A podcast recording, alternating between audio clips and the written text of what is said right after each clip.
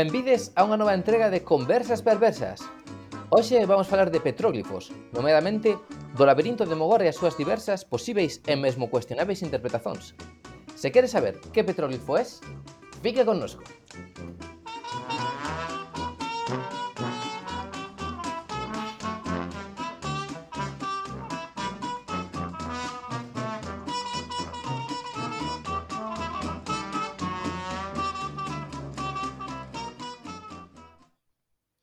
Ben, pois como xa escoitastes que dixo Manu, hoxe vamos falar dun tema que escollín eu, que é o eh, labirinto de Mogor, o petróglifo do labirinto de Mogor. Non sei se tedes moita idea sobre este tema, non sei como estás ti, Manu. Cero. Recordo que din en, en coñecimento do medio e xa. E que xa que hoxe eh, traemos un tema do que eu sei un pouquiño máis case nada, para compensar un pouco, Manu, pois non se informou tanto sobre este tema, e queremos facelo tamén dun xeito entretido, como sempre, en conversas perversas, porque lembramos que este podcast é un pouco para falar de cousas das que non temos moita idea e para divertirnos, non é para dar unha masterclass tampouco. Entón, eh, queres explicar un pouco a proposta que truxen para empezar isto do que petróglico sí. es? Eh, efectivamente, ou sexa, mm, porque Né vai facer o Né, eh, decidiu decidiu unhas horas antes de empezarmos a gravar o, o podcast eh, facer un quiz un quiz tipo os que atopades, es que topábamos naquela altura nas revistas para a mocidade e que agora podes atopar en BuzzFeed ou en unha chea de, de, de prensa así pouco formal eh, sobre pois, que Kardashian es ou tipo dese rollo, non? Pois esta é eh, que petrólifo es? Claro, que, que tipo de petróglifo é? Non fixen tan concretamente como o petróglifo de o petróglifo de Mosteiro, o petróglifo de, no, eh, formas en xeral dos petróglifos. Eh, para introducir un pouco, quero dizer que este test non ten ningunha validez científica, é algo que inventei hai unhas horas, e que podedes topalo no noso Twitter, que é arroba c barra baixa perversas que así podedes facer vos o test, o quiz, e tamén podedes ver os vosos resultados. Porque aquí só vamos comentar o resultado que lle dé a Manu, porque Manu é como a primeira persoa que vai ter a honra de saber que petróglifo combina mellor coa súa personalidade. O primeiro ser humano na face da Terra en coñecer cal é a obra, mm, como dicelo, eh, pétrica prehistórica que máis se, se, se conecta co, co seu carácter xa, isto realmente é un coñecemento moi moi avanzado. É moi científico. É moi científico. entón, podemos comezar co, co test, se queres. Sí, sí, adiante. Que, para que non estexa familiarizade con estes test, normalmente as preguntas non teñen moito sentido ou son preguntas bastante tipo. Preguntas como a primeira, que é que se tiveses que escoller unha profesión ou uns estudos ou algo que dedicarte, que escollerías? A. Belas artes. B. Algo relacionado coas canteiras, coa canteiría. C. Veterinaria. E D. Enxeñaría. o sea, xa podo... Se, estás me dando a opción de escoller o que xa escollín ou, ou mudar do... Podes mudar o que no momento che represente. Así pues podes facer varias veces o test e dependendo do momento en que estexas, podes sacar un resultado ou outro. Claro, ou seja, ti realmente confesa, o que queres é que admita que, el, que, que elexí mal a, a miña carreira e que, e que no fondo os enxeñeiros eh, todos son xente arrepentida e, eh, eh, que fai malas escollas, verdad? Vale, vale. Exactamente. Vale. Pois non, mira, vou seguir escollendo. Ainda que conste, que conste, que a canteiría, ainda que non teño nin idea de, de en plan de técnicas nin tal parece algo super boni e que forma parte da miña vida porque vivo no, no, na zona monumental de Pontevedra e cruceiros, igrexas, cousas bonitas e tal e incluso mesmo xente cercana adícase ou adicouse a, a oficio Pois Pontevedra é un centro de canteira importante. Eu penso que teño eh, xente na familia que, que foi canteira, máis familia afastada. Xa. Eu, amigos da familia, e a, a miña bisaboa, eh, traballaba, non, non era canteira, porque era un oficio de homes, pero era rieira, e levaba as pedras que, que sacaban das canteiras de, de Tomeza para a cidade de Pontevedra. Entón, enxeñaría, non? Enxeñaría, sí. Vou, vou, vou facer vou, sí. antes un, un, un disclaimer que penso que non expliquei que petróglifos poden sair destes resultados. Exactamente.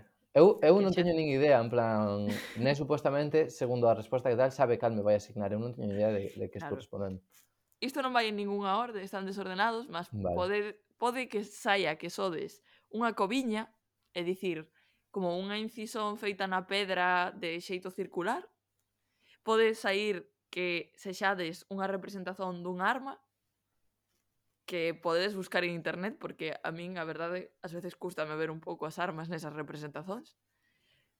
Podedes ser tamén unha representación dun zoomorfo, dun animal, de algo parecido. Zoomorfo, a forma máis máis buscada de dicir un animal.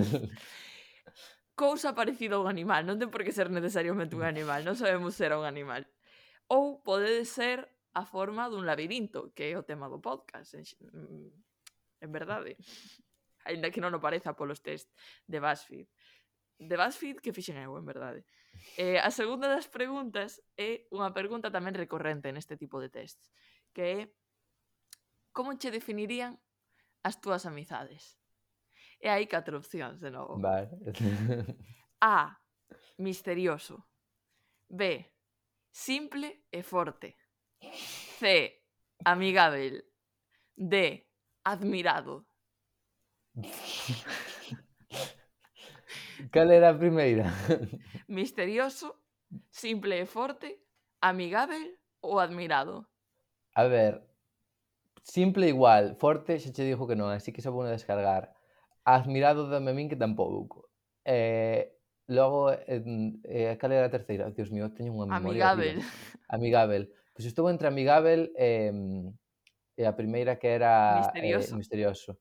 Entre Amigável e Misterioso. Vou dicir Misterioso, porque hai días que non son moi amigável. Pero misterioso? sempre, son, sempre teño un grado de misterio na miña persona, penso. Ben, Vamos a ir avanzando no test para ir rápido para que nos dea tempo vale. a comentar as formas e todo. A terceira é, se foses un animal, que animal serías? A. Serpe. B. Oso. C. Cervo. D. Escorpión. Eh, todo moi científico, como vedes. Todo moi científico. Son animais, que iso é bioloxía. En plan, Eu creo que non me identifico, non me identifico moito cun oso, pero gustame moito, en plan, realmente é o meu a miña inspiración, sabes?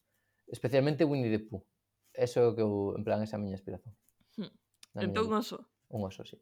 Descartamos serpe, cervo, escorpión. Sí, sí, sí. Os outros non me convencen.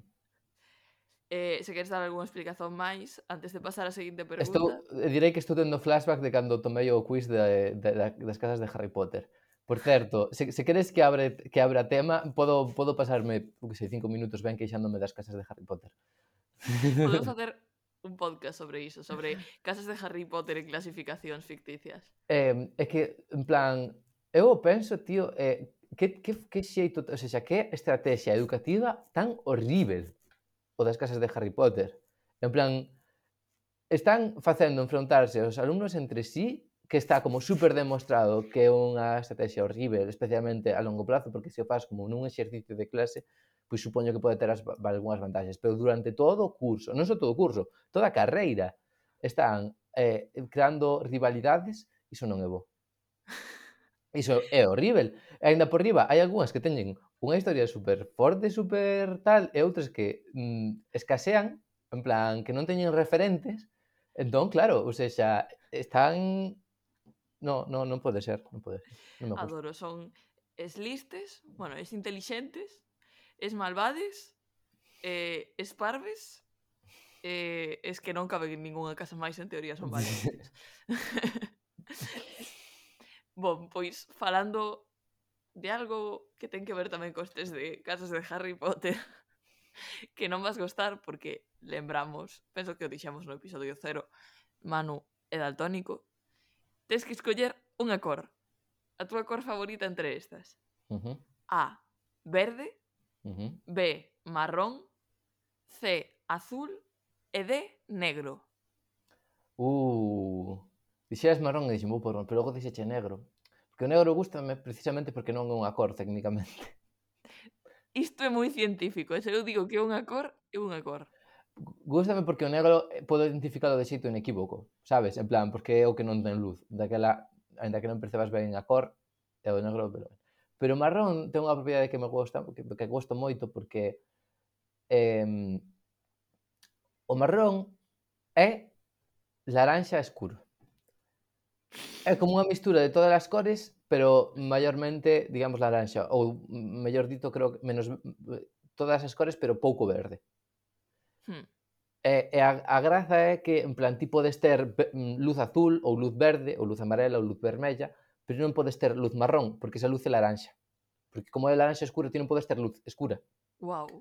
Entón non podes ter luz marrón. E, e eso explota a cabeza encantame as tanxentes de estar nun episodio de... De Petróglifos. Falando Ti dixeches, eu sei que querer encher tempo estou metendo primeiro que me pasa. Non quero encher tempo, quero... É que sabes que pasa? É que bo, estou enchendo tempo, pero realmente, ou seja, estou sendo Manuel. Estou unleashing the beast. Estou deixando que o meu cerebro campe a vontade. Entón, que eh, quedo, ao final vou quedarme co negro. Encantame explicación super chula do marrón eh, e quedas co negro. Veña, que vamos pola metade do test. Se tiveses que escoller como queres ser lembrado, que preferirías que dixesen de ti? Algo como lembrarte como unha lenda, como un mito, mas non polo poder, senón polo misterioso que eso conleva. Algo eh, que queres que te lembren, eso é a opción A. A opción B é que queres que te lembren como un colega. Uh -huh a opción C é que queres que te lembren como un bo amigo que non é o mesmo que colega. colega vale. E a opción D é que queres que te lembren como un líder. Wow, como molan. Eu creo que quedome máis co primeiro, co do misterioso. Gusto meter unha figura así como un pouco, eh, non sei, que escapa da, da, da sociedade ou como máis ermitaña, non sei. Por agora estás tendo como moito empate en todas as opcións, estou a empezar vale. a ter medo que non coxas ningún petróglifo e non teño que expulsarche do programa. E a sexta pregunta uh vai arredor de criadores de conteúdo en galego. Cambiamos o tema do podcast. Xusto cando decidín facer isto, fixe unha pequena sondaxe entre creadores de conteúdo galego para mm, saber a quen podría incluir en cada opción. Entón, tens que escoller unha persoa que críe conteúdo en galego a que se tiveses o poder de tú ser unha desas persoas, cal escollerías? Vale. Opción A, o son das ideas. Para uh -huh. que nos escuite que non, non, non o coñeza, é unha persoa que fai vídeos no YouTube con animazóns e eh, explica conceptos de física, sobre todo. Ten, ten un podcast tamén eh, que paga moito a pena se vos gusta a ciencia e eh, eh, a, a ciencia na ficción tamén está bastante eu, eu, eu creo que o primeiro podcast que escoitei inteiro en galego é curtiño eh, é un formato totalmente distinto de conversas perversas porque é como bastante guionizado pero eu recomendo, eh? a min gustoume moito se vos gusta a ciencia e, e o, a cultura arredor da ciencia si está moi moi guapo Sí, realmente tamén ten un Twitch, están en de xigantes que tamén, tamén. de ciencia. Eu o podcast, se digo a verdade, nunca o escoitei, non sei se ainda o continúa a facer. No, no, no, eso eh, foi un podcast que ten, creo que catro episodios ou así que fixo fai dous, tres anos ou máis se cadra. Eh, non, eh, non era só mm, Darío, eso, non é só Darío. Está el e máis eh, colegas seus da, da universidade. Originalmente o Son das Ideas era un trío. Wow. Teño entendido, sí, Aquí sí, expondo pasados oscuros que non sabemos se temos dereitas por... é público, eh? Se, querían, se quixeran escondelo, poderían. A segunda das opcións, opción B, é Joaquín, que xa falamos con el eh, mm. en algún episodio, concretamente no episodio En Soños Falo Galego, que penso que é o segundo, non sei se o segundo ou o terceiro, podedes buscar. Depende, depende como contes, é o episodio 2. 2. Mellor dicir o episodio 2. Sí. É que é un rapaz eh, que na Galiza coñécese por eh, ser de Euskal Herria e falar galego. E falou galego porque aprendeu el pola súa conta. Sí. E gosta moito de falar de idiomas, tamén sabe xaponés, ás veces fala de euskera, é moi interesante. Despois, a terceira das opcións é que serías como Javi Balea. Javi Balea é un rapaz que fai brincadeiras moi engrazadas por Twitter e tamén ten un Twitch que se chama Balea Vermella en que falan de ciencia.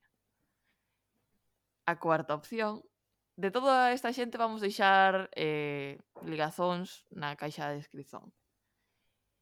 E a cuarta opción, a opción D, é que serías como a Raíña Vermella, que tamén está no mm, Twitch de Balea Vermella, mas, alén diso, eh, tamén ten un blog que é espello.gal ou algo así, é unha psiquiatra que fala, pois, xeralmente de saúde mental, mas tamén toca outros temas. Buah. Eh, vou, vou, ou seja, é que teño que escoller o que me, o que me me chega máis, me, me toca máis cerca que, que Darío dos Ondas Ideas. Ben, ben. Porque, boa, ainda que só fose pola voz, encándame a voz dese home. Estou in love. A voz, sí. non sei, non sei imitalo, pero ten unha voz así profunda e, e unha entonación eh, como trovadoresca mesmo. Adoro. Totalmente. Eh, ah, perdón, perdón. E ten a capacidade de explicar as leis de Newton usando Dragon Ball eh, facer unha análise cuántica da realidade lingüística galega. Eh, unha análise cuántica de Pokémon. Tamén, tamén. pero, en plan, iso podería facercho calquer canal de YouTube internacional de física. Isto é, o sexa, o nivel do... da realidade galega. Exactamente. Montamos iso, un club de fans aquí. E, eh, e falarte do terrachaísmo, por favor. Adoro. E xa que estábamos falando, vamos agora á séptima pregunta, que tamén vai sobre cousas da Galiza, porque eu aquí teño que relacionar todo, e concretamente de música, de uh -huh. música máis ou menos actual. É que che vou pedir que escollas unha entre estas catro canzóns, concretamente entre estes catro temazos. A opción A é Beleno, de Bayuca, con Rodrigo Cuevas.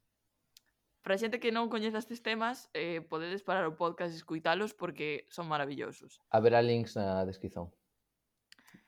A segunda opción, opción B, é Vémonos no baño de Grande Amore, outro temazo maravilloso. A opción C son, eh, bueno, é os capadores de extraterrestres de Caxade. Título maravilloso, por certo. Totalmente. Nunca ninguén vai superar iso no panorama galego e a opción D é máis millor, de Malandrómeda. Eu quedome con, con capadores extraterrestres. Polo título? No, polo, polo mood de, de en plan de soft verbena, sabes?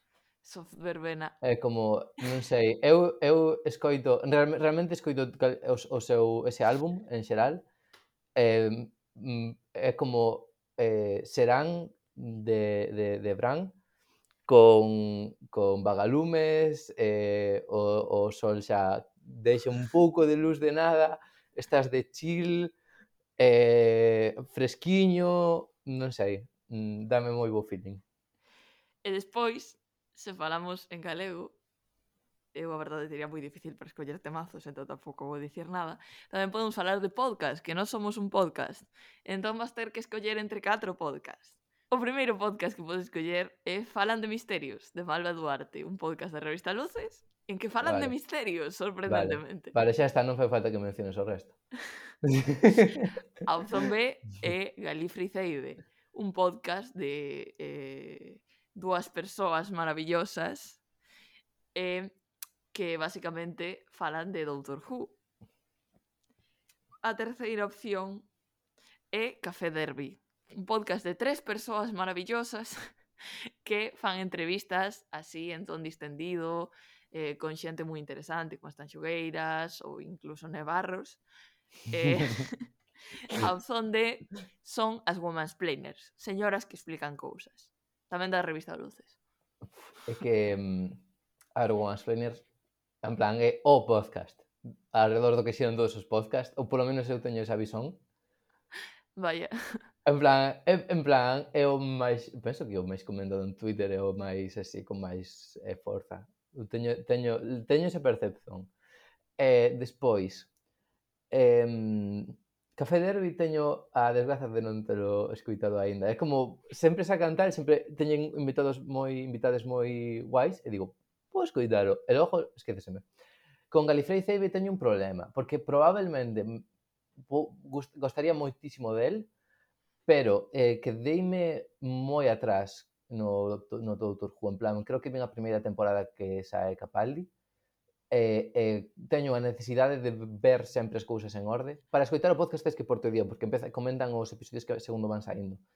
Mm, daquela, non quero spoilearme, pero tampouco quero poñerme a ver todo de novo, porque, o sea, todo, porque... Uff, o Doctor Who é que é unha serie que está guai, pero pídeche un commitment, eh? porque son episodios longos e, e densos. E toca a túa escolla.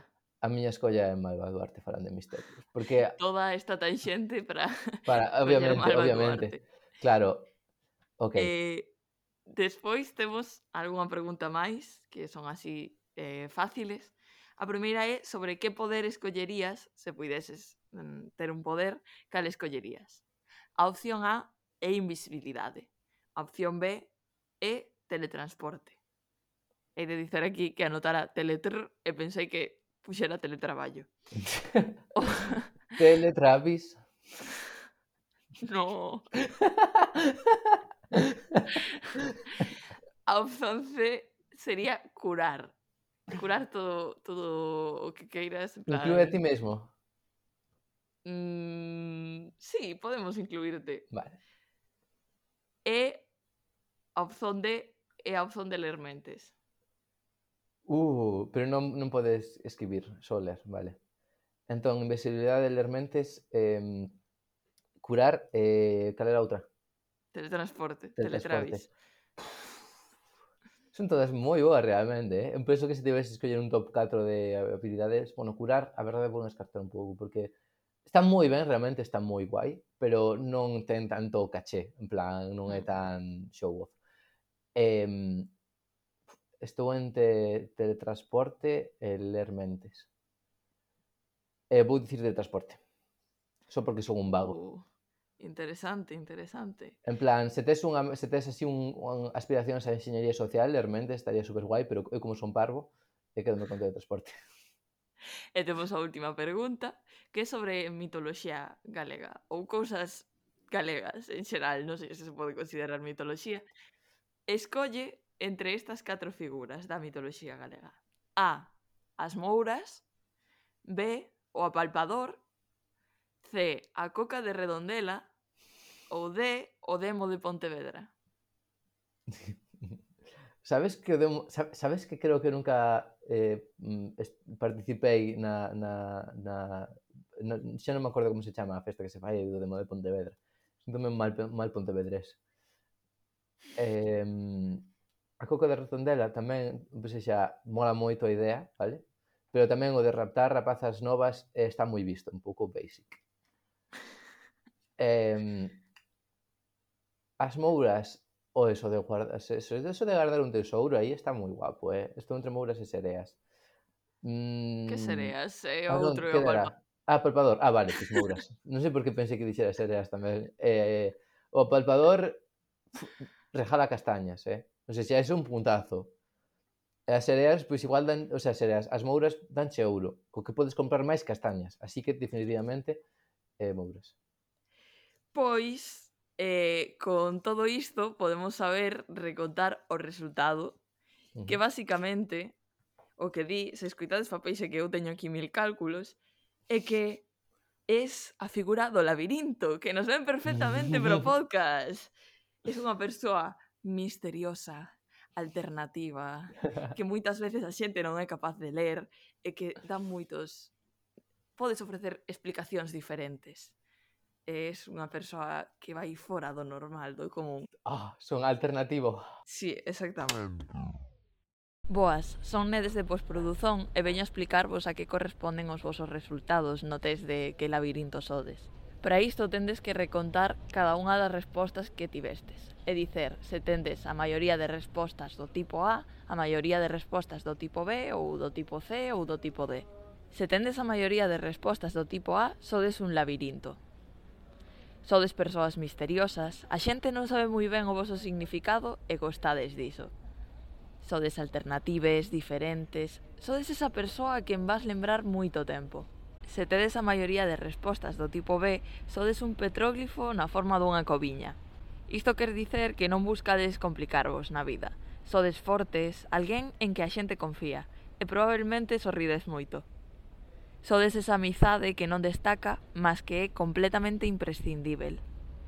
Se tedes a maioría de respostas do tipo C, sodes un petróglifo zoomorfo, é dicer, con forma dun animal ou semellante. Algúnha xente pode dicer de vós que sodes infantís ou extrovertides demais. Mas vós sodes úniques e non tedes que avergoñarvos diso. Tendes unha grande sensibilidade baixo esa parte exterior de sorriso, e se alguén é a vos amizade, implicadesvos muitísimo. Por último, se tedes a maior parte de respostas do tipo de sodes unha arma. É dicer, sodes unha persoa intelixente e poderosa, e non vos dá vergoña admitilo, Desfrutades con iso. Poderíades ser e malvade do filme, mas iso está nas vosas mans. Tendedes a ser esa amizade admirada por todo o grupo.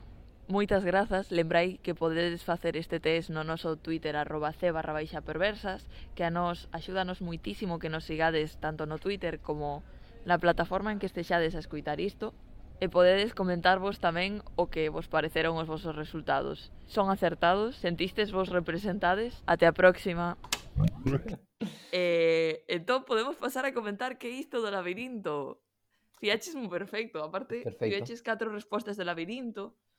No, cinco respostas do labirinto, dúas de arma, dúas de coviña e unha de animal. Es moi pouco animal. Son moi pouco animal, son moi civilizado eu. Se queredes saber os vosos resultados, ide o Twitter de C barra baixas perversas. E aquí vamos comentar un pouco o que son os labirintos eh, e que é isto do labirinto de Mogor. Eh, entón... Por favor, un, facede o quiz e dicídenos que saiu, que, claro, que sodes. Claro. Eh, entón, isto ven porque eu estive investigando un pouco para a carreira alrededor do labirinto de Mogor, que é unha figura duns petróglifos que se topan en Mogor, en Marín, Pontevedra, que eu é onde vivo. E resulta que aquí temos un xacemento arqueolóxico de petróglifos que é super importante e eh, que a nivel internacional hai estudos sobre el, hai xente falando sobre el e hai moita xente de Marín que nen sequer sabe que existe. Sí que existe un centro de interpretación dos petroglifos de Mogor, ás veces hai actividades, eh, saídas, visitas guiadas, mas non se coñece moito. Que acontece con estes petróglifos? Dice que originalmente eran alrededor de sete pedras, mas como acontece na Galiza, eh, entre labores de canteiría, construcións, etcétera, etcétera, paso do tempo, actualmente conservamos tres. E eu hoxe aquí vou vos falar concretamente da Pedra do Labirinto. Tamén hai outra que é a Pedra dos Mouros, que contén labirintos, mas máis ou menos para situarnos, son dúas pedras que son o que se chama un ben de interese cultural, é dicir, está recoñecido que son interesantes culturalmente e que son bens. Recolleuse iso no 1974 aquí para parecer unha persoa inteligente que sabe datas. Realmente teño anotado. Dice que a súa cronoloxía é aproximadamente de do 3000, 2000 antes de Cristo, que diste ou antes da nova era, non sei como é a nomenclatura non non católica. Eh, pero basicamente diste iso é un rango moi amplo entre o 3.000 e o 2.000. A min xa me parece suficientemente impresionante o feito de que saiban a aproximar de cando é.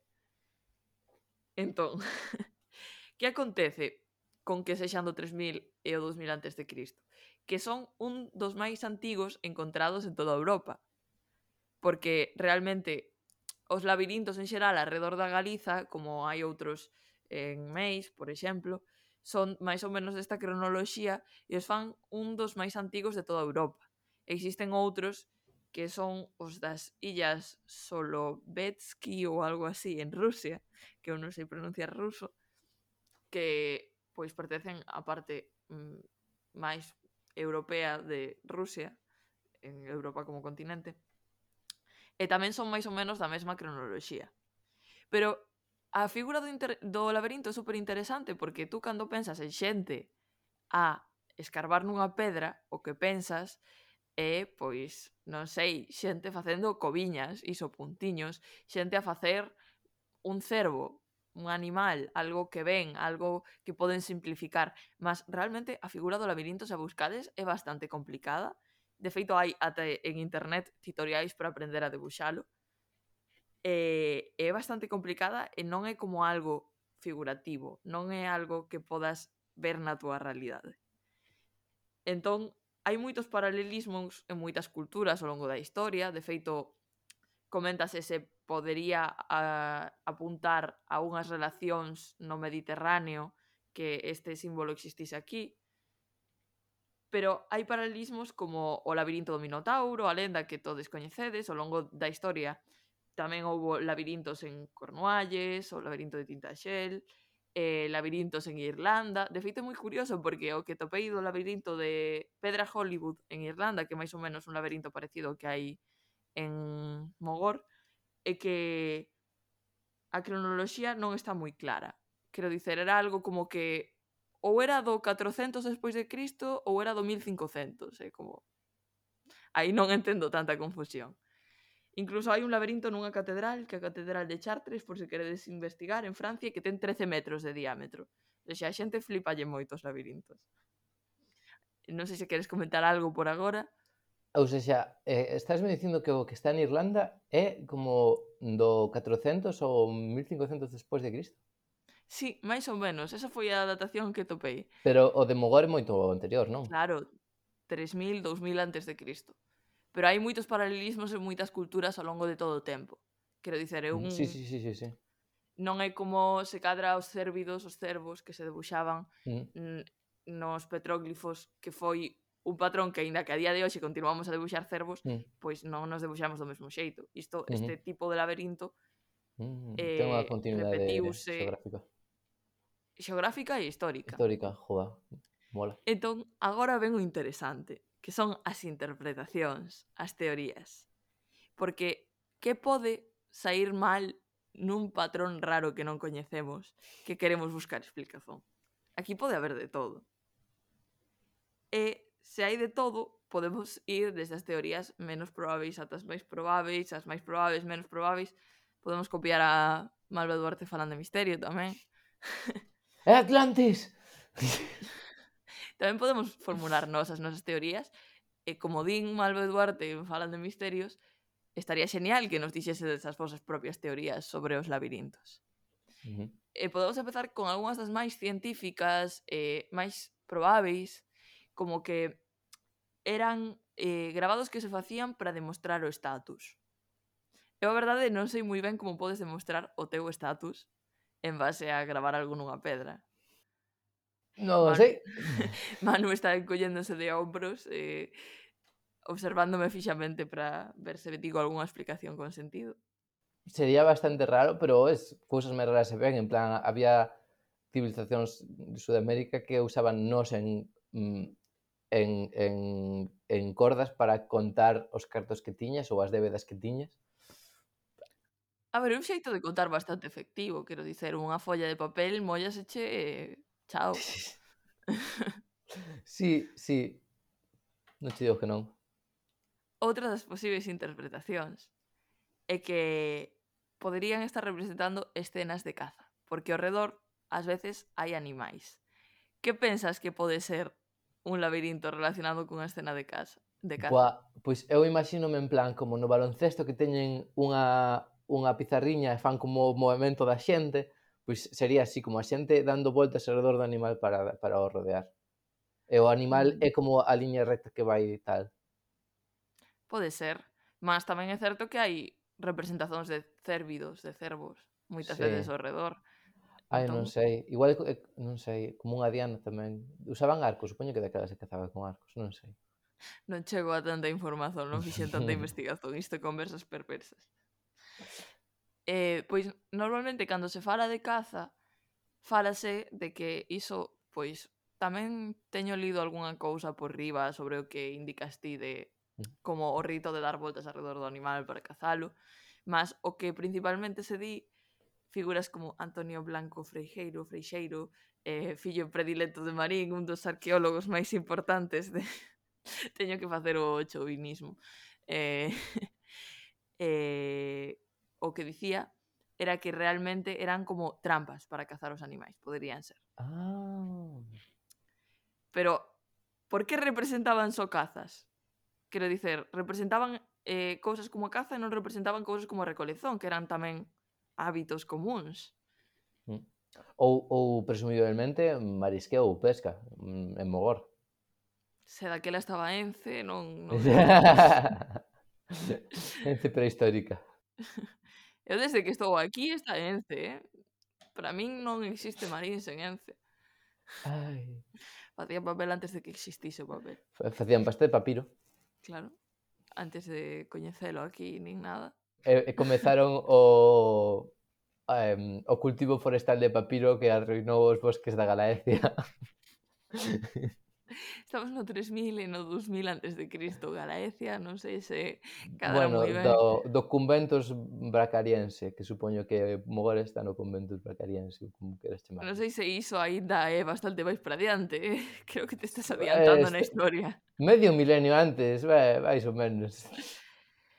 Despois tiñamos, a ver, falábamos de que só representaban caza, realmente isto podería estar relacionado co status, porque a caza, como se vía algo viese como algo superior, algo que precisaba de forza, precisaba de maña, precisaba de... Entón, tamén podería interferir aí o do status. Despois entran interpretacións un pouco máis esotéricas, que que poderían ser ritos máxicos. Dentro dos ritos máxicos temos unha grande variedade. Entón, aquí o que se di é que os petróglifos poderían ser feitos para chamar a fertilidade que é algo como moi común cando se explica eh, arte prehistórica. Mas non sei en que momento pensas que un labirinto... É, eh, é o caixón desastre do... Penso que é o caixón desastre da, da antropoloxía, en plan... Isto é claramente algo que representa a fertilidade. E xa está.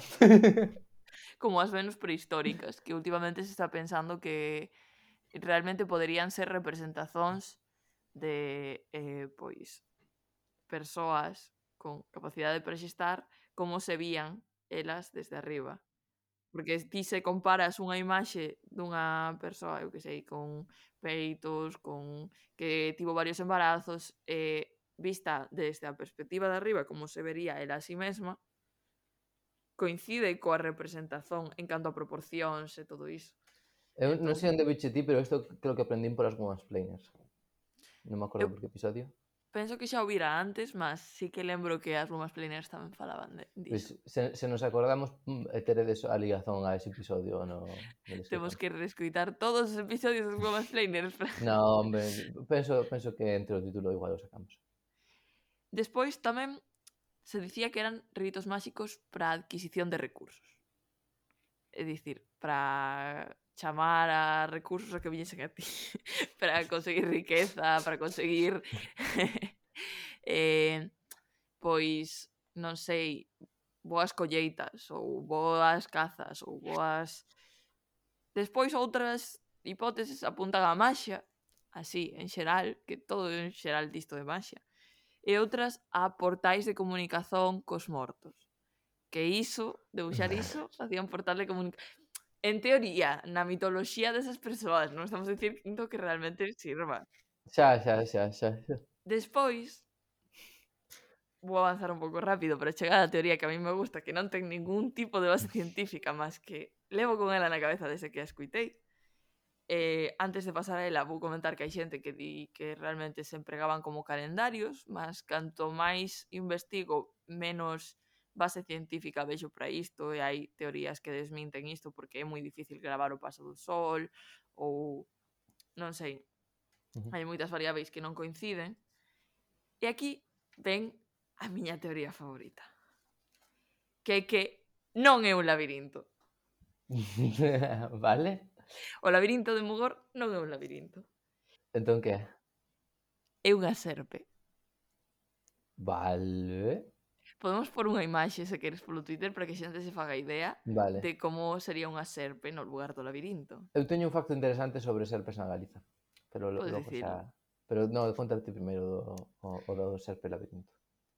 Sí, basicamente esta teoría o, no que se apoia en que un dos primeiros calcos feitos no 1935 por un arqueólogo. Penso que o fixera Buigas, mas non, non...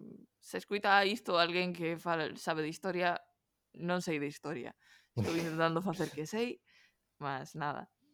É que o, un dos primeiros calcos eh, se nos fixamos, e eh, a xente que nos este a escutar pode buscar unha imaxe do labirinto de Mogor, no medio ten como unha coviña, ten como un pontiño. Pois non, nun dos primeiros calcos pasaron por riba dese puntiño fixeron unha liña, obviárono. É como se alguén quixese manipular iso para que se parecese realmente un labirinto, como os labirintos cretenses, ou os labirintos labirinto do Menotauro, ou labirintos que están noutros lugares. Mas non, como íamos ter un labirinto cretense aquí? É unha serpe. E isto tería moito máis sentido, porque realmente antes, segundo algúns rexistros, tampouco topei información moi concluinte, a pedra non se chamaba a pedra do labirinto. Chamábase a pedra da Moura. E conectamos co test de antes de Mouras e todo isto. As Mouras son eh, seres mitolóxicos que en teoría están sempre, aparecen sobre todo pola noite, nun lugar concreto que pode ser unha fervenza, unha ponte, un petróglifo, e que, como dicías ti, gardan un tesouro. Normalmente hai imaxes recorrentes que, por certo, a Moura é un, unha figura común a Galiza e a Portugal. Portugal, correcto. Hmm. Eh, basicamente, pois son persoas que guardan un tesouro, normalmente están encantadas, eh, o que queren é que ti lles axudes a librarse dese encantamento, pero como a xente quere aproveitarse e conseguir o seu tesouro librándose do encantamento, elas acaban encantando as persoas. Entón, estes encantamentos moitas veces teñen serpes. Todo cadra. Entón, isto é unha teoría que propón que esa era unha pedra dunha moura e que se chamaba Pedra da Moura, pero alguén intentou borrar toda esa historia e que realmente é unha serpe, porque tamén antes existía unha pedra ao lado que era a chamada Pedra dos Namorados, que a xente ia ali de noite a facer cousiñas para ter fertilidade e que había unha serpe debuxada segundo as testemunhas. Entón, aí relacionarías a serpe de arriba, coa serpe de abaixo, con... Todo cadra. Alguén quixo borrar a historia da Moura. Que pensas desta teoría? Encándame a conspiración. Eh, todo isto é porque alguén... O, igual é porque alguén quere sacar o poder e eh, eh, apropiarse de todo o poder da, da pedra da moura para eles, entón borrou a historia para que o resto da xente non, non, non saiba o seu real eh, eh, moi verídico poder sobrenatural. Ou se cadra, a Moura foi a propia que manipulou a historia para liberarse. Chan, chan, chan. A Moura disfrazouse de, de, de, de antropólogo ou non sei exactamente que, que, que profesión estuda os petróglifos. A Moura é unha das persoas do Centro de Interpretación dos Petróglifos pois que dá guías pola noite. E para non ser descoberta, o que fai é iso, dar interpretacións que son pois, falsas. Porque apaixóalle a a arqueoloxía, a antropoloxía, todas estas ciencias, entón quere disfrazarse. Volvendo ao que dixera das serpes, a cousa é, en galego portugués As cobras, eu, cobra é un termo que se usa para todo tipo de serpes. Non o sabía. Probablemente vos, cando digan cobra, tedes na idea esas serpes eh, indias que hai nas fora da India tamén, que teñen como unhas meixelas que saen para fora, como... Nunca conceptualicei iso como meixelas, mas entendo o que dis. Sí. Sí, non sei, bochechas, é que non sei como dicirlo. Bochechas. Bochechas ou, ou como orellas, teñen como orellas, sí. sabes? Ten, teñen así como eh, que realmente fano como para pareceren máis grandes, para ameazaren máis, para, ser, para parecer máis ameazantes. Entón, a cousa é, chámanse cobras porque foron popularizadas polos navegantes eh, colonizadores, exploradores portugueses, que chamaban cobras a todas as serpes. Ah, ten sentido. Entón, pois nas, nos idiomas europeos, a, coñecéronse as, serp, as cobras como aquelas serpes que, que levaban os portugueses, que eles chamaban cobras. Wow, que interesante. Entón, o bo que é facer un podcast con alguén que se informa.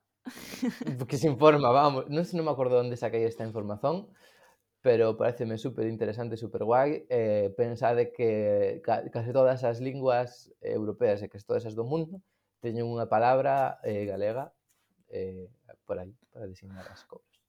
Nos queremos propor a nosa propia tese, a nosa propia teoría, que foi eh, completamente ignorada pola comunidade científica cando realmente será seguramente a verdadeira. Eh, Manu, quero que expliques ti porque a min emocioname contalo. A miña teoría, pois xa, os, os, o, o labirinto de Mogor, eh, pois en xeral os que hai por a Galiza, se non me estou moi errado, é un pauiño vertical, é como os círculos concéntricos unidos entre eles ás veces, eh, eu vexo iso e digo, isto claramente é unha pota de fideos. Claro. É claramente, ou seja, isto é pasta. Un pasta e pasta, ou seja, isto é claramente unha evidencia da existencia do monstro de espaguete voador. É, é unha evidencia de que el creou o mundo hai mil anos, pero deixou vestixios de vida anterior, como, por exemplo, os petróglifos, e ademais, como brincadeira para, para rirse de nós, eh, fixo con temática de pasta. Claro, é que ademais se non sabedes o que é a religión verdadeira do pastafarianismo, podedes ir ao noso outro podcast de pastafarianismo, precisamente, onde poderedes aprender máis sobre esta religión que claramente é a verdadeira e a única que ten base científica. Están os petróglifos aí, son grabados na pedra, non, non podemos modificalos, sabes? Eu diría máis. As coviñas, realmente, son albóndigas. Claro. E que ademais ten sentido, porque as albóndigas non están na pota, porque na pota coces coces a pasta, pero as albóndigas tens que facelas aparte, por iso están aparte do labirinto. E o que conceptualizamos como armas realmente son un instrumento superior feito para comer e enroscar a pasta. Eh, sobre todo se son espaguetis, fideos, porque nós aínda non chegamos a ese nivel de evolución, mas vai haber un momento no futuro onde xa teñamos ese instrumento. Eu, eu teño unha teoría alternativa que, que as armas son versións eh, primitivas dos coadores. Pode ser, pode ser. Todo ten sentido. Non sei se queres engadir algunha teoría máis de sereas de... A verdade non, non se me ocurre moito máis. Queres que vayamos coa pergunta final ou queres falar de alguna cousiña antes? Nada, eu só quero dicer que se alguén nos mm. está a escuitar que ten capacidade para elaborar estudos científicos alrededor de todas estas cuestións, que tomas nosas teorías, por favor, que se queredes eh, podedes darnos tamén vos teorías eh, vamos a abrir un crowdfunding para que financiar investigación científica, isto é unha brincadeira, E eh, que se a miña profesora de Patrimonio Arqueolóxico está a escuitar este podcast, mm. non son nevarros, non me das clase, por favor, apróbame. Xa está. por favor, aproba nevarros, persoa totalmente eh, desrelacionada Iso, con este podcast. Non apróbame, non dixen apróbame, dixen apróbane. Exactamente. Xa está. Eh, eu iba a mencionar algunha cousa máis e esqueceume. Bueno, non pasa nada. Eh, pois, volvendo a... Se non o notastes neste episodio, estamos a facerlle a, mm, as beiras moito a Malva Duarte para... Colaboración, por favor, queremos unha colaboración. Buah, unha colab molaba moitísimo. A ver, na nosa defensa, eh, isto de facer eh, programas de, mm, digamos, mm, pouco serios eh, de, de carácter a distancia entre Madrid e Galiza é un pouco un terreo que tiñamos nós xa un pouco pillado, eh? non, di, non dicimos nada, pero bueno. Entre persoa que cría conteúdo e persoa medio allá a rede. Exactamente, exactamente. Todo paralelismos. Entonces, exactamente, alguén aí mmm, nos queremos pensar, vale, que foi unha casualidade do destino, que nosos destinos están cruzados, pero mm, eh, en calquera caso, imos falar do, do tema do segundo eh, episodio que fixeran en Malva Duarte falando de misterios, que é o manuscrito Boy. Que, por certo, que O podcast Conversas Perversas é popular entre a xente que escuita Malva Duarte falando de misterios. Entón, ide escuitar. Se non nos recomendamos sí, sí, o suficiente, sí. ide escuitalo. Sí, que en plan, coñecímolo dun, dun xeito bastante engrazado, non? Sí, por TikTok. Por TikTok, alguén, alguén estaba falando, alguén do TikTok galego, xa non sei nin quen era, estaba fixera un vídeo sobre unha eh, característica, unha feature de Spotify era o vinte de Malva Duarte e saiu recomendacións en plan a xente que escuita Malva Duarte tamén escuita e saían conversas perversas. Eh, a cousa é manuscrito Voynich. Se non escutastes o, o, o, o seu podcast, podcast deles, que deberíades porque é unha fantasía. A persoa que dixo que tiña recomendado conversas perversas era Rodri Míguez. Pois se non, se non estades ao tanto da natureza do manuscrito Voynich, porque non porque aínda que me parece moi mal, non escoitastes o podcast, é un, un manuscrito eh, misterioso que apareceu nas mans de algúns estudosos eh, nunha lingua descoñecida, nun alfabeto descoñecido, con imaxes de elementos eh, astronómicos, eh, botánicos, eh, arquitectónicos totalmente descoñecidos, eh, e que se está estudando eh, pois, pola, por toda a academia eh, a nivel mundial e eh, agora está en mans da Universidade de Yale. A cousa é, eh, de feito teño aquí unha moeda porque vou botar a sortes que é o que che vou preguntar sobre o manuscrito.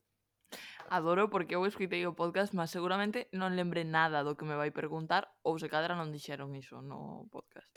Eh, o manuscrito Voynich, facendo un análise de entropía, que se chama, un análisis de entropía H2 ou H2, eh, determina que aquela lingua na que está escrito o manuscrito é mm, significativamente máis predecível que as linguas naturais, verdadeiro ou falso. Máis predecível quere dicir, fago unha pequena explicación, por exemplo, no galego, se ves a letra que, vai estar seguida dunha U, hmm. case sempre.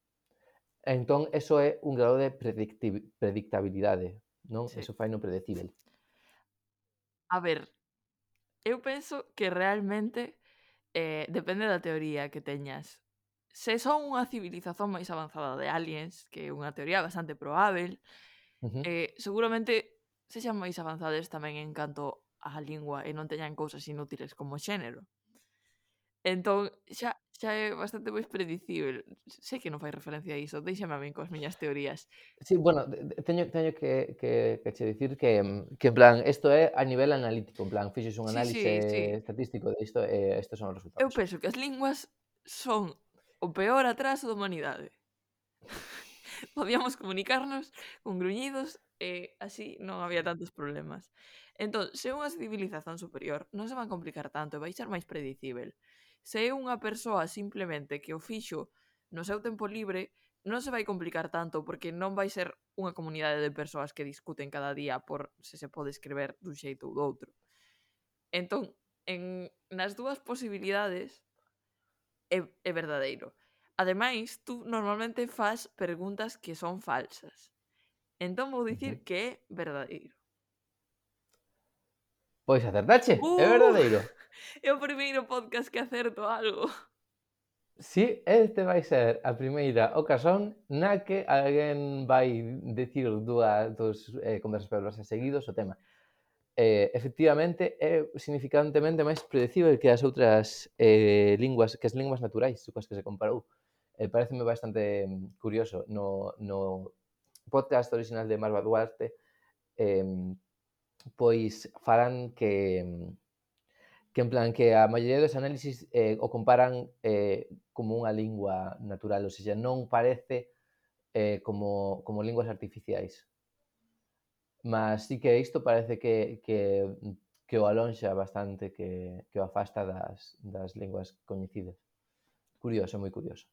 Tamén descubrín despois de ver o podcast, eh, informei un pouco, e hai, parece ser que foi escrito por cinco persoas distintas, E por que se sabe iso? Porque comparación da caligrafía. Mm. Eu escribo de xeitos eh, moi diferentes, eh? Xa, pero bueno, eh, eh da caligrafía e tamén un pouco de, de lingüística, como que eh, hai distintos como dialectos se chaman, ainda que non sei ata que punto se pode chamar no sentido un dialecto del nivel sociolingüístico, senón xa. teñen diferentes eh, teñen diferentes proporcións nas que usan algunhas palabras entre os escribas. Son bastante bastante curiosos. Sí, sí, sí. Pois sí, agora sí. teño que decidir, pero non pensaba que fose acertar, entón como sempre non o vou dicir. Se queredes facer o test, continúa aberto seguramente no mm. Twitter de Conversas Perversas. Se non continúa aberto, realmente podedes facelo igualmente na vosa cabeza, anotar as respostas nun, nun papel e calculalo vos e xa está. Mas iso, eh, Foi un placer falar do labirinto de Mogor, de moitos petroglifos, da serpe de Mogor, máis ben, non sei se queres engadir algo. Da pasta de Mogor. Da pasta. Probablemente as, a, os zoomorfos tamén son algún tipo de pasta estrana que existía naquela cultura. A pasta con formas. Pasta con formas. Todo é pasta. Todo, todas Todo as pasta. cousas son pasta con formas. Xa está. Exactamente. Este podcast non pode chegar a máis puntos. É que este non é coña, en plan, unha das teses do, pastafari, do pastafarianismo é a teoría de cordas, realmente as cordas, en plan, todo está formado por cordas segundo a teoría de cordas, e as cordas que son senón espaguetis xuntados polos cabos. Ten sentido, ten sentido. Todo, son, todo, todo basta, todo basta. Bon. pois, con este final tan no, no punto álxido do programa, eh, podemos, podemos ir fechando, se queres. Ai, se de iluminados polo apéndice tallerín este de Bolesbol. Xa digo, audiencia, que se queredes, se gostades, podedes ir a Spotify a por unha avaliación en estrelas do noso podcast, partillalo coas vosas amizades, falar... Dadelle follow. Eh, seguirnos, en Twitter somos arroba c barra baixa perversas, E moitas grazas se chegastes até aquí e perdón tamén. Veña. Chao. Chao.